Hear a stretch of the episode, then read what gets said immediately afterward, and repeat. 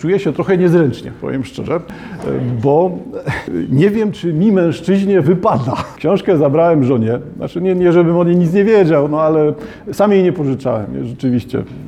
Żona pożyczyła z cyklu Coś trzeba czytać w lipcu i w sierpniu, no to wziąłem Rozmiar nie jest taki zły, to jest, są jednak solidne powieści po 500 stron.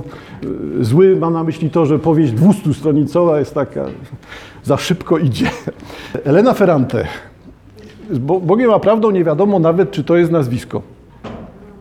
No chyba tak, ale tak nie do końca. Chodzi o to, że o autorce tego nic nie wiemy, autorce tych książek nic nie wiemy. Ona bardzo zgrabnie ukrywa się tak sobie zapowiedziała, taką, tak ustaliła ścieżkę kariery, nie chce być dla nikogo zobowiązaniem, wydawnictwa nie płacą za spotkania z nią, po prostu jej nie ma. No istnieje, widzimy Elena Ferrante, ale za bardzo nie wiadomo o kogo tutaj chodzi. Czyli autorka zgrabnie unika wszystkich medialnych rzeczy, woli pozostać nikomu nieznana. Czy to jest pseudonim, czy nie, nie potrafię się wypowiedzieć i też z żalem od razu wyjaśniam jedną rzecz, która jest ważna w tych, tych powieściach, ale dla mnie nie do przeskoczenia przynajmniej w tym dziesięcioleciu albo dwudziestoleciu. Otóż te powieści bazują na różnych wersjach języka włoskiego. I zdaje się, że w tłumaczeniu na język polski tego nie ma. Tutaj nie widać, jaka jest różnica pomiędzy włoskim w Rzymie, a włoskim w Mediolanie, a włoskim w Neapolu. Jakby mówi się o tym, że tutaj zwraca się uwagę dzieciom, żeby nie mówiły tak. Albo teraz on się odezwał literacką włoszczyzną, źle to brzmi, literackim językiem włoskim, odezwał się i zwrócił uwagę całego towarzystwa, którym szczęka spadła, nie potrafili mu odpowiedzieć, bo on mówi innym modelem. Ale ponieważ nie znam włoskiego, do oryginału nie sięgnąłem, mam w ręce tylko tłumaczenie, no po co miałem sięgać, jak nie znam, to ta moja niepewność taka pozostaje, że może czytając oryginał czytalibyśmy coś takiego jak powieść Drach Twardocha, gdzie on jakby regularnie całość narracji prowadzi w dialekcie śląskim. No i Nobla dla tego, który to przetłumaczy na inny język, bo to trzeba by innym regionalnym przekładać. Poddaje się.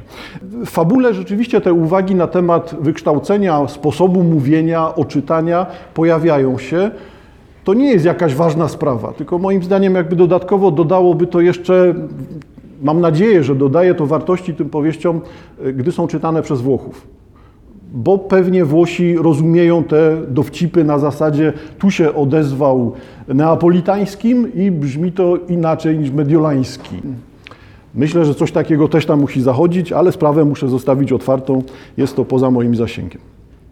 O czym mówimy? Będę e, sięgał do całego cyklu neapolitańskiego, ale cytaty będą tylko z dwóch części, czyli Elena Ferrante poza innymi powieściami wydała powieści dotyczące Neapolu w różnych zależnościach, bo tak raz jest ten Neapol, raz go nie ma, raz jest akurat narratorka gdzie indziej, ale wspomina ten Neapol. No wokół Neapolu to się będzie kręciło. Czyli mamy przed sobą cykl neapolitański, czyli genialna przyjaciółka, historia nowego nazwiska, historia ucieczki i historia zaginionej dziewczynki. Część z Państwa może znać to z serialu. Od razu powiem, że nie żebym tak twardo bronił książek, no ale książka jest o czymś innym niż serial. Układ fabularny i układ postaci pozostaje. Ale to, co w tej książce teraz będziemy przez te najbliższe kilkadziesiąt minut przeglądać, to jest inna, inna opowieść. Serial, jak część z Państwa może widziała, no jest taki realistyczny. Taki realistyczny, taki z życia wzięty, y, historia wokół lat 50., 60., tak się rozpoczyna, lata 50., 60., więc jesteśmy w tych czasach chwilę po II wojnie światowej we Włoszech, czyli wszyscy ci, którzy byli zagorzałymi zwolennikami Mussoliniego udają, że nigdy nie znali Mussoliniego. Są tematy tabu, nie, nie poruszamy się po tym, no ale nagle się okazuje, że jakaś mafia, to czemu ta mafia ma właśnie korzenie tego typu, takie faszystowskie. Nie, no, niby troszkę w tym realizmie to się przebija, no ale właśnie, no, przebija się w taki sposób, hmm, no, niby widoczny, niby rozpoznawalny. Śledzimy realistyczną opowieść. Dwie dziewczynki znają się z podwórka, dwie skrajnie inne dziewczynki, przynajmniej tak i na oko, i z zachowania, no ale może na zasadzie przeciwieństw się polubiły i śledzimy życie tych dwóch osób. Życie rozpisane na kilkadziesiąt lat. Każdy z tomów tego cyklu, ja bym raczej mówił, że to jest wielotomowe, bo tutaj mamy wyraźnie fabułę urywaną w jednym tomie i fabuła zostaje wznawiona w kolejnym. Także nawet trudno mówić tutaj o, o cyklu. To jest rzeczywiście jedna powieść w tomach. No ale nazewnictwa, w tego nie ma, sprzedawane jest jako samodzielne powieści. Skalę tego widocznego też w serialu realizmu, starałem się uciekać od tego, no ale chyba pozostanę na chwilę jeszcze, pokazuje też nietypowe w powieściach rozwiązanie, czyli tak jak utwory teatralne rozpoczynają się od listy postaci, kto tam tak, Julia, Romeo, z jakich rodzin i o co chodziło, tradycja zupełna w teatrze, no to podobne rozwiązanie jest i tutaj. No i rzeczywiście, jeżeli ktoś lubi takie śledzenie realistycznych, prawdopodobnych czy psychologicznie prawdopodobnych sytuacji na zasadzie pamiętnika okresu dojrzewania, no bo to jest ten moment wyjścia z dzieciństwa, w pierwszych tomach e, zainteresowania światem, zainteresowania przeciwną płcią, pierwszych relacji, czasem przykrych, czasem bolesnych, czasem milszych i wspominanych również pozytywnie, no to w ten sposób to wygląda. Ale zauważcie Państwo, że ta lista postaci, która tutaj rozpoczyna każdy tom, to jest, aż nigdy tego nie liczyłem, to jest siedem stron. Siedem stron wyjaśniających za każdym razem. Rodzina Cerullo to rodzina szewca. Fernando Cerullo, szewc, ojciec Lili, Lila, główna bohaterka. Nie pozwala córce kontynuować nauki po ukończeniu szkoły podstawowej. Nunzja Cerullo, matka Lili, ma bliski kontakt z córką, ale brakuje jej stanowczości, by wraz z nią sprzeciwić się ojcu. Rafaela Cerullo, zwana Liną albo Lilą. Jesteśmy w tej głównej bohaterce, przy imieniu głównej bohaterki. Urodziła się w sierpniu 1944 roku. W chwili zniknięcia ma 66 lat. Wrócę do tego zaraz. W chwili zgnięcia ma 66 lat. Nie pozostawiła po sobie żadnego śladu. Zdolna uczennica w wieku 10 lat pisze opowiadanie zatytułowane Błękitna wróżka. Po ukończeniu szkoły podstawowej porzuca naukę i rozpoczyna praktykę w zakładzie szewskim. W bardzo młodym wieku wychodzi za Stefana Karaciego i z powodzeniem prowadzi najpierw sklep z wędlinami na Nowym Osiedlu, a potem butik na Piazza dei Martiri. Podczas wakacji na Iski zakochuje się w Ninie z Saratorem, dla którego porzuca męża. Po rozpadzie związku z Ninem i narodzinach syna Gennara, e, Lila odkrywa, że Stefano będzie miał dziecko z Adą Capuccio. Definitywnie odchodzi od męża. Z Enzem Skaną przeprowadza się do San Giovanni i rozpoczyna pracę w fabryce wędlin Bruna Sokawa. I tutaj już się pojawiło ileś nazwisk. No i tak mamy krok po kroku. Przydatne dla czytelnika, który y, lubi rozgryzać to. Czyli na zasadzie, a czemu ta z tym, a tamta z tym i z kim ona go zdradza i śledzimy takie, taką opowieść, no obyczajówka, nie? realistyczna obyczajówka, powiedzmy te elementy psychologiczne byłyby.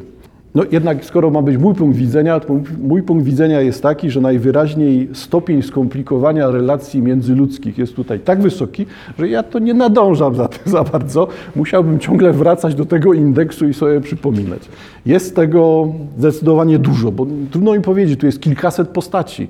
W tych czterech tomach jest kilkaset postaci. No, głównych jest kilkadziesiąt, nie? a reszta to są jakieś otoczenia. Tylko tyle, że gdyby to polegało na tym, to rzeczywiście mm, moja wypowiedź musiałaby się teraz prowadzić do diagramów. Czyli rozpisujemy sobie drzewka i na tych drzewkach mamy te one łonemu, one łonemu, one łonemu. Powtarzają starą anegdotę o gaszeniu pożaru. No to y, nie robię tego, to nie ten sens. Chociaż muszę przyznać, że serial bazuje chyba na tym.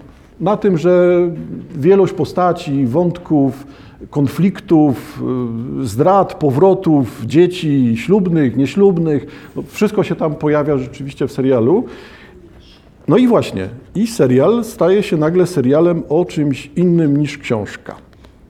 O fabule więcej niż już padło przy tym życiorysie Liny Lilli nie będę mówił, to Nie, nie o to chodzi.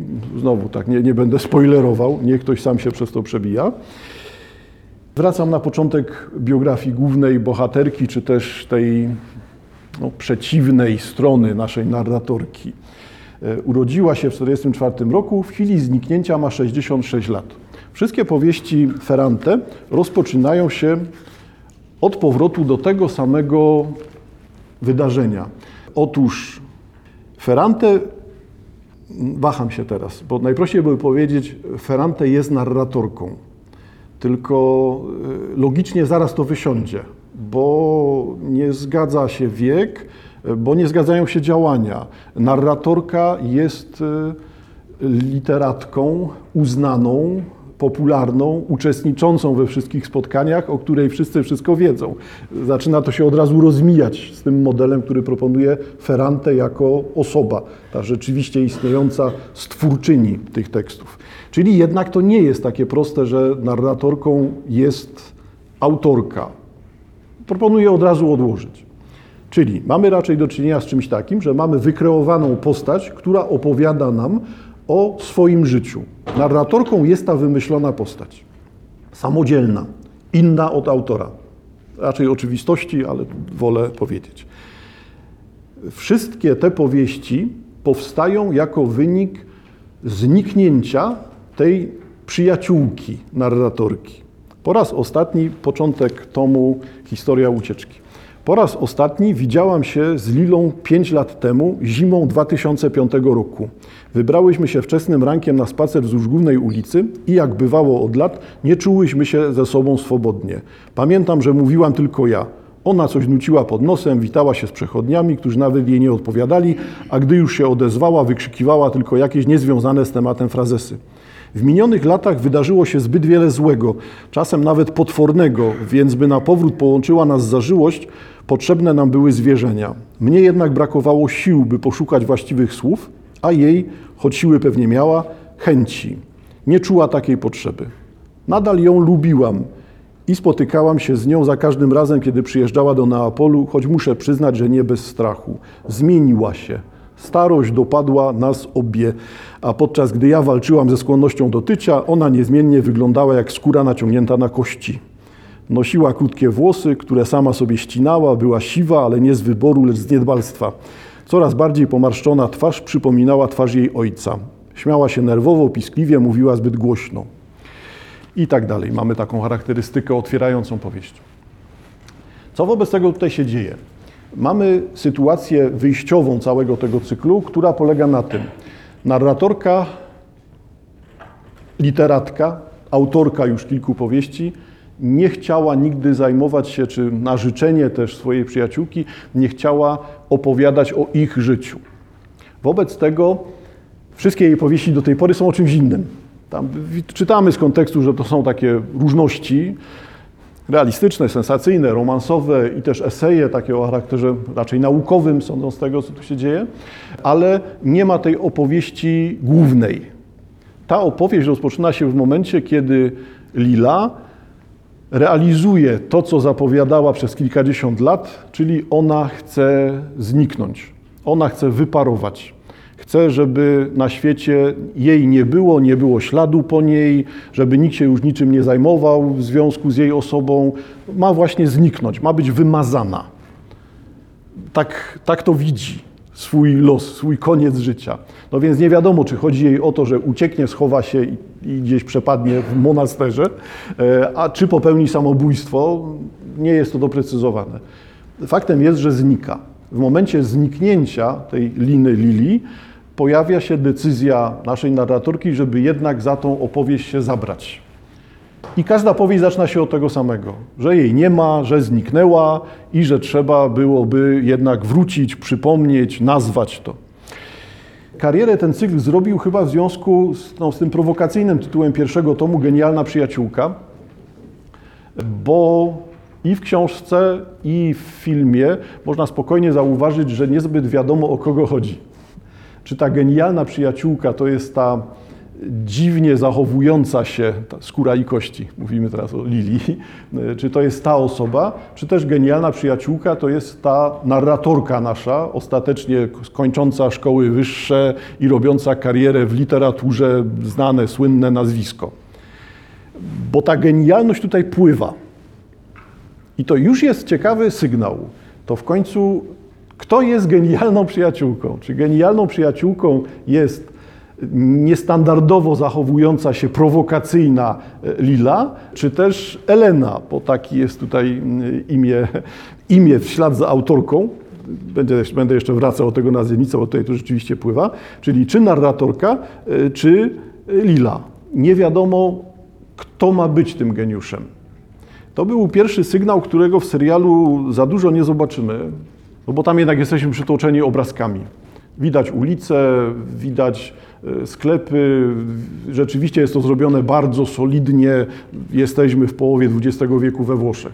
No ale to zaczyna sprawiać, że troszkę mm, odchodzimy od tego, o czym to tak naprawdę jest. Spróbujmy inaczej.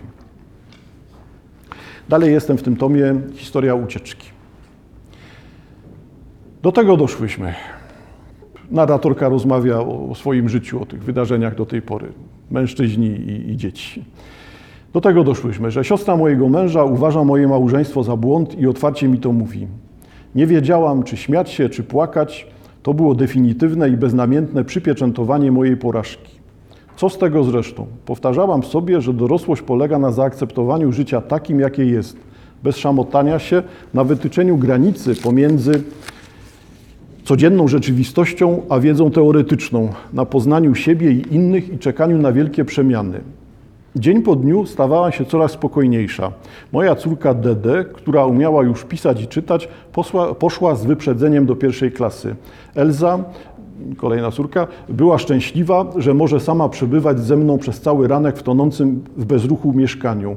Mój mąż, choć najbardziej bezbarwny spośród ciała akademickiego, Czyli zauważcie Państwo, to jest dalej tak, słynna literatka, profesora ma za męża, tak, tak stereotypowo to brzmi. Czyli mąż bezbarwny spośród ciała akademickiego zbliżał się wreszcie do ukończenia drugiej książki, która zapowiadała się na jeszcze większe dzieło od pierwszej. A ja byłam panią Airota, Eleną Airota, kobietą smutną i uległą, która jednak pod wpływem szwagierki, a także aby jakoś walczyć z przygnębieniem, zabrała się za potajemne zgłębianie męskiego ideału kobiety. Mieszając świat starożytny ze współczesnym, robiłam to bez określonego celu, tylko po to, aby móc powiedzieć Maria Rosie, mojej teściowej, kilku znajomym, tak, pracuję. Żeby nie było, że nic nie robi. Czyli niby fabularnie czytam tutaj pewien fragment, tak? Pojawiają się postacie, są wydarzenia, od razu widać, że no, specyfika pracy naukowej i męża profesora polega na tym, że pewnie książkę tego profesora przeczytają całe cztery osoby, bo, bo to, są, to jest urok prac naukowych. Ona widać robi inną karierę, przy czym czytelne jest też to, że mąż zdecydowanie lekceważy karierę pisarską żony, no bo uważa w drugą stronę, że jak się czy, pisze takie książki, które czytają kucharki, no to nie warto w ogóle o tym nic mówić i on nie czyta powieści swojej żony. Czy kiedyś go tam zmusi w końcu, żeby przeczytał, słowa o tym nie powie. Czyli powiedzmy, brzmi to bardzo realistycznie, tak, jak to, jak to w życiu. Co mnie uderza? Uderza to, że tu właśnie zaczyna się mocno ujawniać ukryty system tych powieści. To nie są powieści realistyczne. Dobrniemy na końcu, że to w ogóle nie są powieści realistyczne, że to takie kłamstwo było. Gdzie to jest widoczne w tekście? Co to, co to jest nagle narratorka, który opowiada, która opowiada o swojej codzienności? No bo tak jest, tak? Dzieci w domu, jedno w szkole, drugie w domu, zawsze pół roboty mniej. No to, to są realistyczne uwagi. No to po co nam to sformułowanie? Dorosłość polega na zaakceptowaniu życia takim, jakie jest, bez szamotania się na wytyczaniu granicy między codzienną rzeczywistością a wiedzą teoretyczną. Przecież ona tego do dzieci by nie powiedziała. Tak zakładam, żeby nie powiedziała. Więc czym jest ten sąd, który nagle się tutaj pojawia? Powoli możemy odkrywać, I właśnie w serialu nie będzie tego w ogóle. Na dodatek jeszcze Państwu powiem, zamykając sprawę tych, tych różnic, nie będę do tego serialu dalej sięgał, e, że e, serial jest bardzo mocno ocenzurowany. E, Bardzo dużo, bardzo dużą częścią tych książek i też taką pozytywną stroną tych książek Ferrante m, jest to, że e, sprawy seksualności poruszane są tutaj, no, seksu lepiej, seksu, erotyzmu, relacji fizycznych, męsko-damskich są poruszane wprost i to poruszane z użyciem języka kobiecego. Czyli to nie jest żadna pornografia, tylko bardzo z, no, zmysłowo nie pasuje mi, bo zmysłowo zaraz zaczyna brzmieć tak jak poemat, pieśń nad pieśniami. Więc nie w ten sposób. Bardzo fizycznie, bardzo sensualnie, może lepiej tak jakby z doświadczeniami po prostu, są opisywane przeżycia w sposób całkowicie, przeżycia seksualne w sposób całkowicie bezpruderyjny. Czyli jest mowa o wszystkich technikaliach jak gdyby. No a tego w ogóle nie ma w tym serialu. Oni tam, no niby jest tam, że no i poszli razem do łóżka, światło gaśnie, zapada ciemność. Nie? Takie klasyczne rozwiązanie filmowe. E, Natomiast tej powieści nie. Sprawy takie cielesne, seksualne e, są tutaj w normalnym rytmie narracji podawane bez żadnych obwarowań. I w zasadzie ja mówię teraz o tym samym, o czym mówiłem parę minut temu. Czyli tekst ujawnia, że nie mamy do czynienia z opowieścią realistyczną, że mamy do czynienia z czymś, co jest bezustanną opowieścią o jednej osobie. Mnożenie postaci jest tutaj czymś, co ma wprowadzać w błąd czytelnika. Że to tak, tyle ich tam jest, jest, jest. W rzeczywistości nie. W rzeczywistości stale czytamy jedną osobę jak ona widzi, doświadcza, rozumie. Jest to taka osoba z dużą samoświadomością, z dużą umiejętnością tłumaczenia swoich motywacji, ale też z dużą umiejętnością pokazywania tych wydarzeń w życiu, które są dla niej rezygnacją z racjonalności. Czyli zostawi męża z dziećmi pójdzie z kochankiem. I nie będzie mówiła, jaka to ja zła matka jestem, będzie widać, że ma z tym problem, ale jednocześnie nie będzie widać, że będę przeklęta, pójdę do piekła. Jakby nie ma tego. Czyli podawane to jest w taki sposób, który ma wyjaśniać. Czyli zauważcie Państwo, to sformułowanie jest sformułowaniem bardziej eseistycznym, no bo filozoficznym jest za dużo powiedziane, nie? ale takim właśnie poważny esej.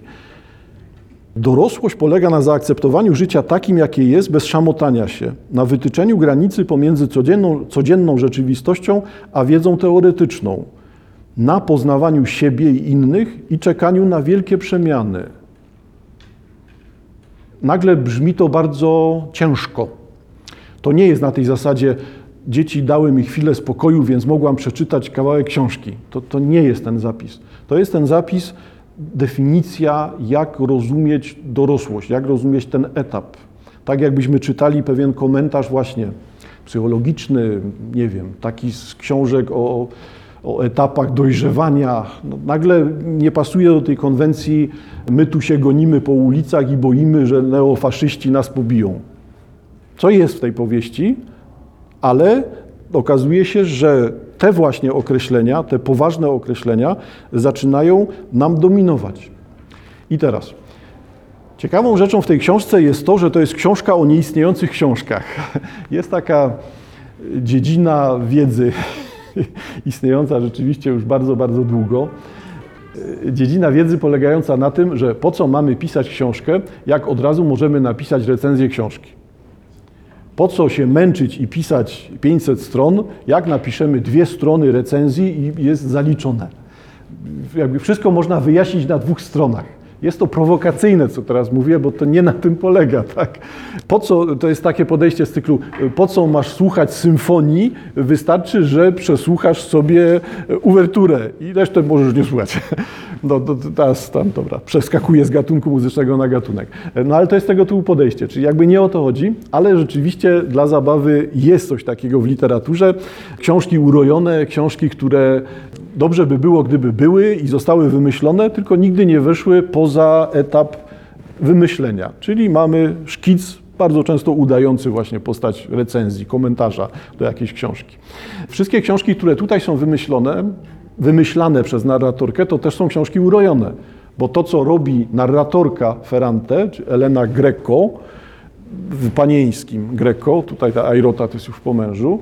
Wobec tego ta Elena Greco pisze książki, które nie wychodzą poza etap wymyślania, bo ich nie ma materialnie, tych książek. A tutaj pokazywane są jako książki zamknięte, zakończone. O co chodzi z czymś takim? W ten sposób nie chodzi o to, żeby nie mieć roboty, nie, nie przepracowywać się i po co pisać i tak dalej.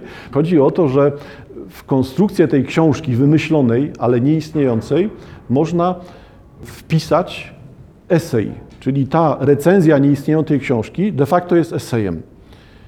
Gdybym ja teraz wymyślił jakąś książkę na zasadzie tam duet pisarzy Truman i, i Pynchon spotkał się, aby omówić, e, aby opisać sytuację w Europie Wschodniej na początku XXI wieku, gdzie zawarli analizy, co należy zrobić, aby było lepiej. Analizy dotyczyły tego, że omawiali to, to i to i tak dalej. Czyli robię takie streszczenie, omówienie, przedstawiam wnioski ich, gdyby nie to, że tej książki nie ma wymyślam taką konwencję.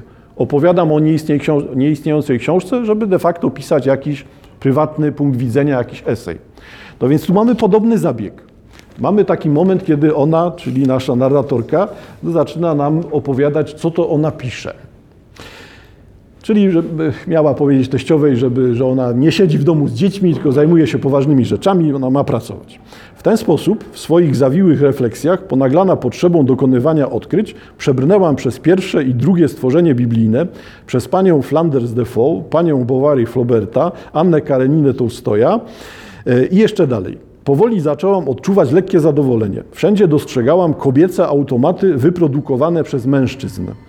Tego, co naprawdę nasze, żeńskie, było niewiele, a jeśli już się pojawiało, natychmiast stawało się wodą na ich młyn. Kiedy Pietro był w pracy, imię męża, Dede w szkole, a Elza bawiła się kilka kroków od mojego biurka, wreszcie czułam, że żyję. Przekopywałam się przez słowa, czasami wyobrażałam sobie, czym byłoby moje życie, życie Lili, gdybyśmy obie podeszły do egzaminów do gimnazjum, a potem do liceum i na studia, aż po obronę pracy magisterskiej, bo ona teraz mówi o swojej karierze, a sama e, Lila przerwała na szkole podstawowej. Co by było, gdybyśmy razem przeszli cały ten cykl, tak? gdybyśmy miały to samo wykształcenie? Ręka w rękę w pełnej zgodzie, jak doskonała para, która sumuje intelektualną moc, przyjemność pojmowania i wyobraźnię. Wspólnie byśmy pisały, wspólnie publikowały, wspólnie czerpały siły jedna z drugiej, bijąc się ramię w ramię, aby to, co nasze, pozostało wyłącznie nasze. Powtarzałam sobie, że żeńska samotność umysłu to wielka strata, że odcięcie jednej od drugiej to zwykłe marnotrawstwo. W takich chwilach czułam, jakby moje myśli rwały się w połowie. Były atrakcyjne, ale niekompletne. Wymagały weryfikacji, rozwinięcia, bo nie były do końca przekonywujące i wiarygodne. Wtedy powracało pragnienie, żeby do niej zadzwonić i powiedzieć: Posłuchaj, nad czym się zastanawiam, proszę, porozmawiajmy o tym, powiedz co myślisz, pamiętasz co mówiłaś. E, a nasza szansa minęła raz na zawsze i to dawno, całe dziesięciolecia temu. Musiałam zadowolić się samą sobą. I teraz ona opowiada o materiale, który zbiera do swojej książki. My tej książki nie znamy, tej książki nie ma. Ale ten materiał, ten zarys, który tutaj widzimy, pozwala na to, żeby wyłapać o co jej chodzi. Czyli przegląda, szuka materiału, przegląda teksty różne. Wszędzie dostrzegałam kobiece automaty wyprodukowane przez mężczyzn. Czyli wszędzie widzi, że kobiecość jest wyłącznie projekcją wyobraźni męskiej. Nie ma tutaj rzeczywistych kobiet, są tylko odzwierciedlenia oczekiwań mężczyzn. Jak mężczyzna wyobraża sobie kobietę, taka ta kobieta jest. Zostawiamy te zależności, dlaczego tak się dzieje, bo trzeba się w to zagłębiać, ale Ciąg dalszy. Tego, co naprawdę nasze żeńskie, było niewiele, a jeśli już się pojawiało, natychmiast stawało się wodą na ich młyn, na młyn tych aktor, autorów mężczyzn.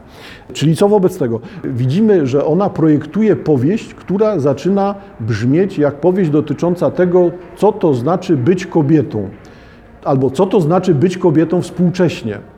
Stąd ten pomysł, co to, zna, co to jest, że kobiece automaty wyprodukowane przez mężczyzn.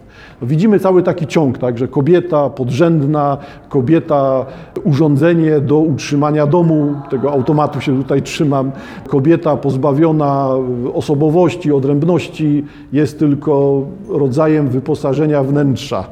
No to jest to, co pojawia się w męskim punkcie widzenia.